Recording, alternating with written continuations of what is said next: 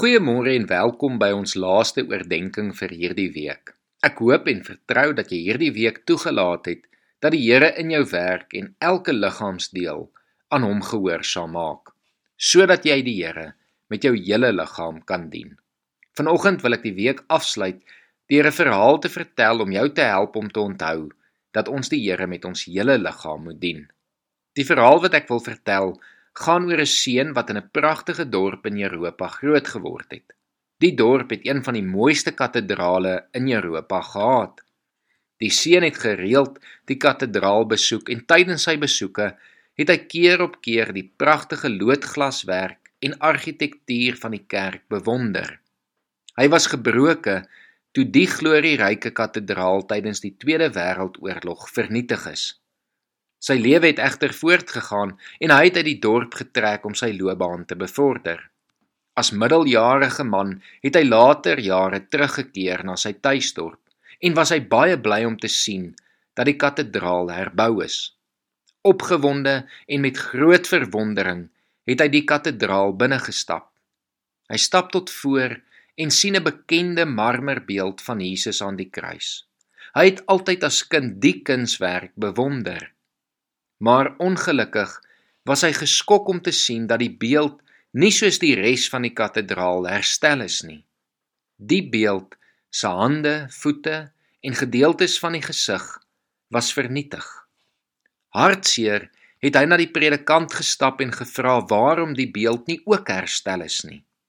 Die predikant het geantwoord: Ons het dit so gelaat juis om ons te herinner dat ons Jesus se hande en voete en ore en oë hier op aarde moet wees. Ons is sy verteenwoordigers in hierdie gebroke wêreld. En elke keer as ons na die beeld kyk, dink ons en word ons herinner hieraan. Ons is geroep om die Here met ons hele liggaam te dien. Om deur hoe ons praat, luister, kyk, loop en werk Jesus se hande en voete en ore en ore te wees. Mag jy vandag deur jou werk, daar waar jy beweeg, met jou voete, dit wat jy sien en hoor en hoe jy praat, mag jy met alles die Here dien. Mag jy sy hande en voete en ore en oë wees in hierdie wêreld. Ek sluit af om weer vir ons 1 Korintiërs 3 vanaf vers 16 voor te lees. Weet julle nie dat julle die tempel van God is en dat die Gees van God in julle woon nie? As iemand die tempel van God beskadig, sal God hom straf, want die tempel van God is heilig en die tempel is julle.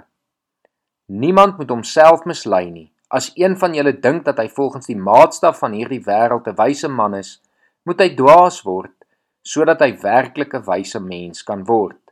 Want die wysheid van hierdie wêreld is dwaasheid by God.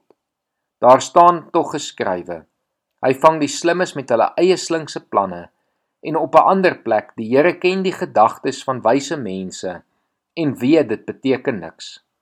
Daarom moet niemand op mense roem nie. Alles behoort aan julle. Of dit Paulus of Apollos of Sefas of die wêreld of lewe of dood of hede of toekoms is, alles behoort aan julle. Maar julle behoort aan Christus en Christus aan God. Mag ons as tempel van die Heilige Gees die Here in hierdie wêreld gaan dien. Kom ons bid saam. Here, dankie dat ons u tuiste is, dat u van ons liggame u woonplek maak. Here, dankie vir die intimiteit en die eenheid wat ons met u beleef hierdeur. Here, ons kom gee vandag ons hele liggaam in diens van u. Gebruik ons om u hande en voete en ore en oë in hierdie wêreld te gaan wees. Amen.